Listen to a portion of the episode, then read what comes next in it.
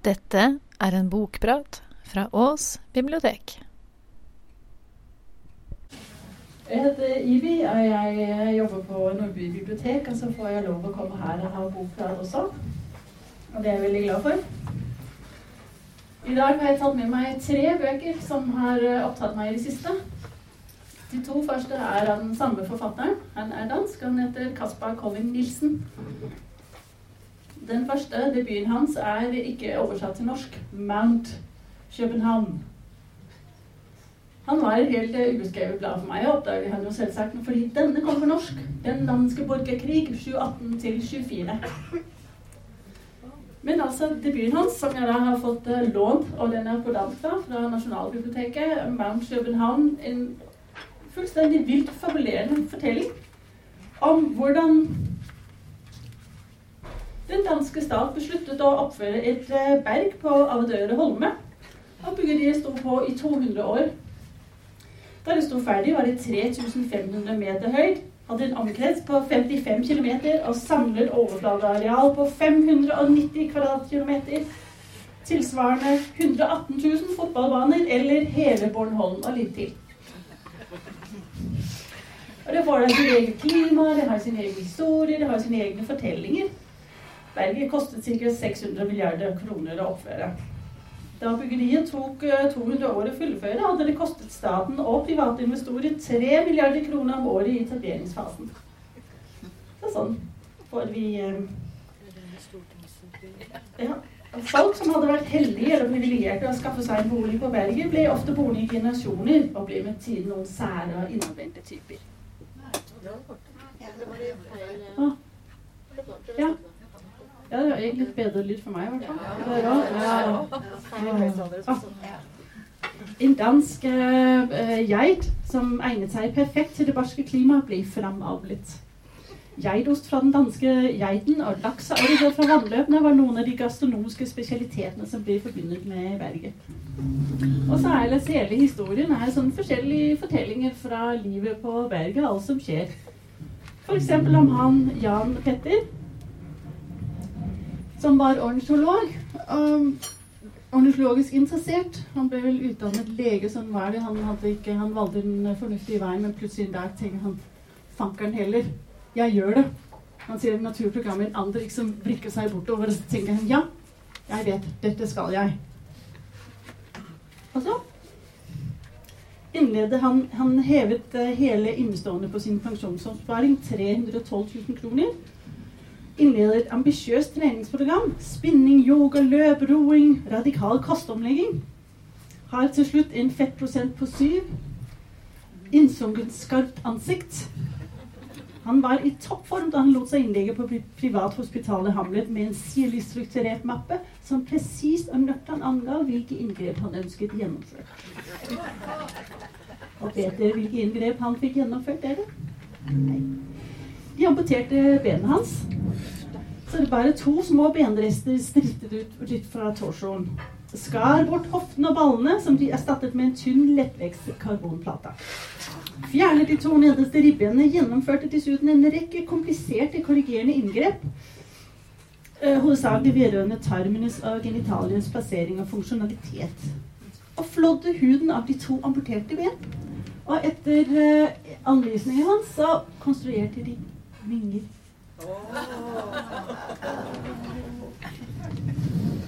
Ja.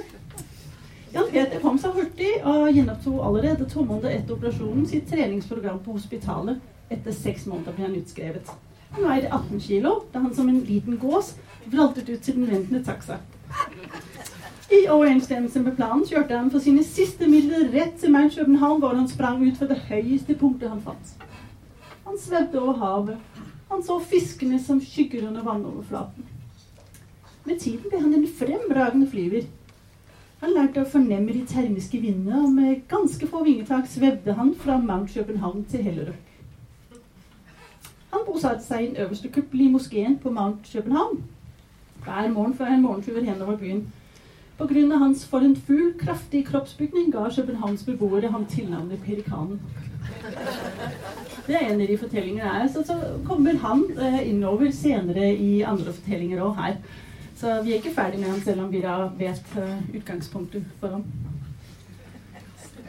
Den fikk, uh, var det Den danske banks debutantpris, den boken her.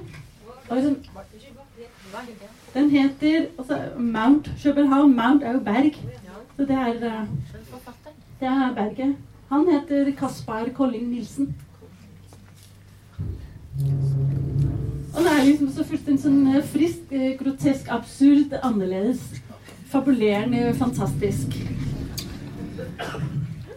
Og det fortsetter han med på et vis her i den danske borgerkrig 2018-24. Vi er da den vanskelige toer, men den som også har blitt veldig mye rost, og da oversatt til norsk.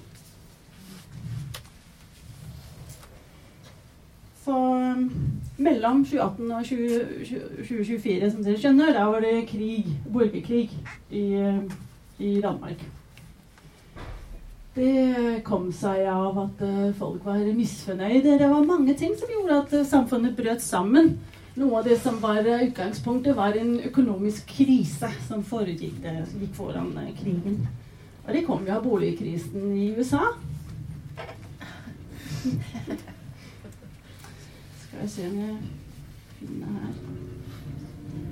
jeg har alltid sagt at hvis pressen er den fjerde statsmakt, er finanssektoren den femte, og derfor burde den ha et samfunnsmessig ansvar som tilsvarer dens innflytelse, noe som den kjente også fikk. Vel, i 2007 gikk alt galt. I takt med at folk ikke klarte å betale rentene på lånene sine, overtok bankene boligene som de forsøkte å selge. Det betød at utvalget av boliger ble større, og prisene falt.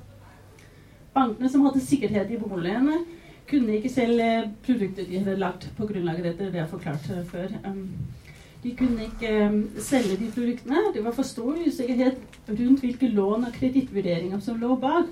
Og plutselig hadde bankene og realkreditorene langt færre verdi enn de hadde regnet med. Den verdien som de eide, i form av lån, eiendommer, derivater, forsvant fra den ene dagen til den andre. Bankene fikk solvensproblemer. De hadde lånt ut mer enn de hadde garantier for. De turte ikke låne penger til hverandre. De visste ikke hvem de kunne stole på. Bankene turte ikke å låne penger til private og firmaer, for de var redde for å gå konkurs. Flere av mine gamle venner mistet alt. Noen mistet en del. Heldigvis hadde jeg på det tidspunkt alle pengene mine på en hemmelig bankkonto i Luxembourg. I dag har jeg en meget spredt portefølje. Kriser er slett ikke noe problem hvis man har nok penger. Han skal bare ikke bli for grådig. Jeg har en spredt aksjeportefølje, og så har jeg obligasjoner i Nordregionen, og til slutt eier jeg eiendommer forskjellige steder i verden. Vi har selvfølgelig også den fordel at vi kan investere mer langsiktig enn alle andre. Fordi han som forteller denne historien her, han er da 475 år gammel.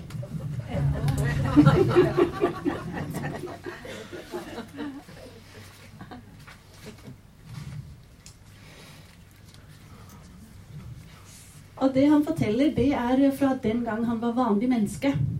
Da det var borgerkrig. Den gang i 2018 til 2024, da var det før stamcelleprogrammet. Da det begynte, da kan jo alle de rike leve så lenge de bare vil. Med stamceller kan man forandre seg. Man kan bli barn igjen. man kan bli, Noen blir gammel bare for moro skyld, men man bare passer litt på, for det kan bli liksom varige endringer i hjernen, så de gjør det ikke så gjerne. Ung skal man være ung hele tiden? Man, ja, det er veldig mange interessante måter i, i stamcelleprogrammet når man er i det. Men han forteller altså historien sin. Han starter med en prolog, og dette er før krigen og før stamcelle. Den unge politikeren var skrekkslagen. Dressene hans var revet i stykker, og fra nesa hans piplet blodet i en tynn stråle ned på den lyseblå skjorta. Tre menn iført de hvite tørklærne til borgerfronten fikk vridd ham fri fra mengden spark, spark, slag, spark og spyttklyser. Folk skrek som dyr. 'Drep ham! Stikk ut øya hans!' Og hva de ellers klarte å finne på. Han var i sjokk og så ut som han rett og slett ikke forsto hva som foregikk. Et letelsens drag spredte seg over ansiktet hans da de førte ham bort til den lille scenen av tre som var satt opp på plassen, og hvor det sto en bred trestubbe. Da de bandt sammen hendene hans, gjorde han ikke motstand. Han samarbeidet som om hans imøtekommenhet og god oppførsel ville kunne redde ham. Det var noe komisk over alt sammen. Jeg presset meg fram i mengden til jeg var helt oppe foran på scenen. Bødlen tvang ham ned på kne. Det sleske politikerhodet ble lagt på stubbens ru overflate. Kinnet hans forklapparberte. Han må ha barbert seg samme morgen. En mann i slutten av 20-årene. Hadde han barn, mon tro? Hadde han laget frokost til dem om morgenen? En av opprørerne løftet armene og viste fram to åpne håndflater med ti sprikende fingre, og folket telte ned ti, ni, åtte To. Bødlen hevet øksen. Én. Og hukket den med all kraft ned i nakken på politikeren, men det lyktes ikke å dele hodet fra, fra kroppen. Folk buet. Bødlen satte foten på trestunden og vrikket øksen fri fra politikerens døde legeme. Hukket igjen og hodet trillet i å renne ned fra scenen til de jublende tilskuerne som spontant begynte å trampe på det. Den hodeløse kroppen ble også kastet ned til den frådende massen, som straks begynte å kjenne den.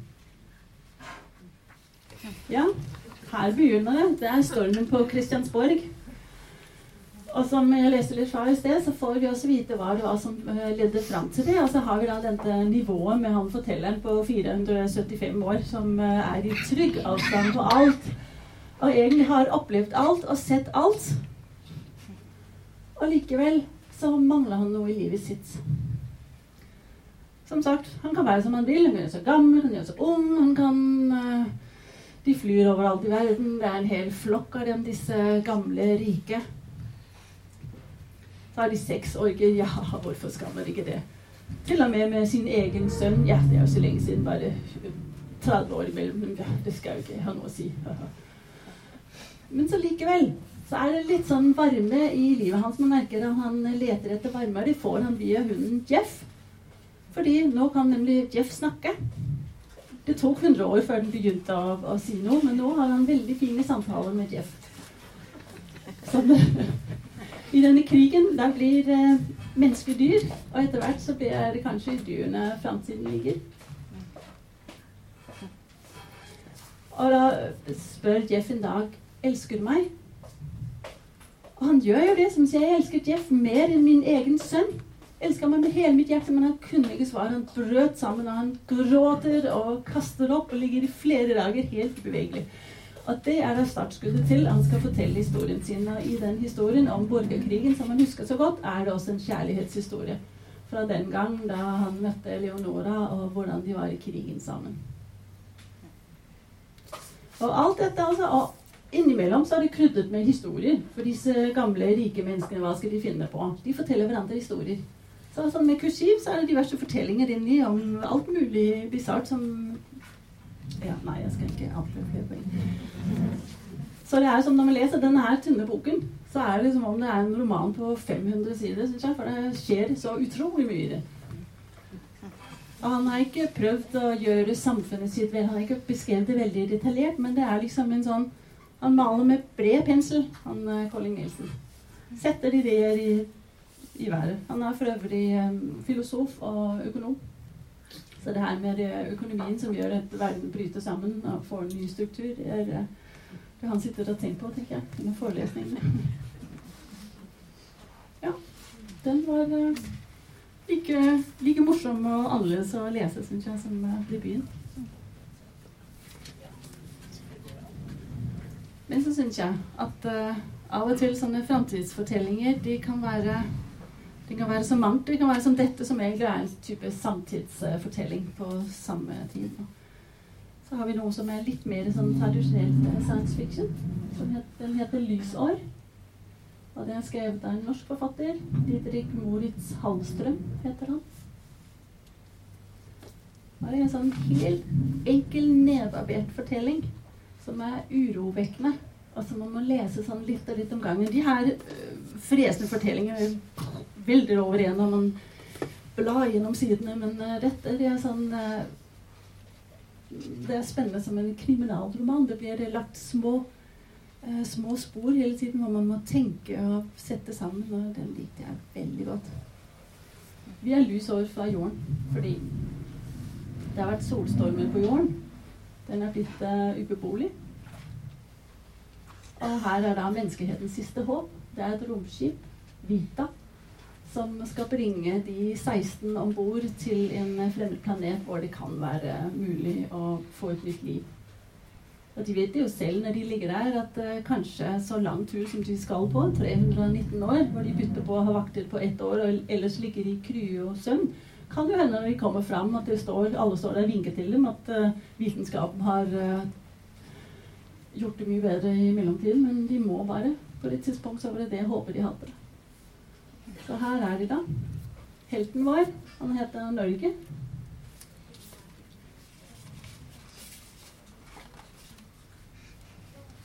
Som alle andre land på Vita har jeg ingen minner fra tiden før vi dro. Skulle vi ha husket alt vi forlot, ville århundrene her inne ha blitt uutholdelige. Sannsynligheten for psykiske sammenbrudd med tilhørende selvmord ville ha vokst fra et kakestykke til en hel kake.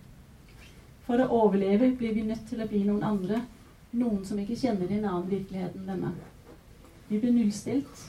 Behandlingen kalles selektiv minnedekonstruksjon og pågår fortsatt.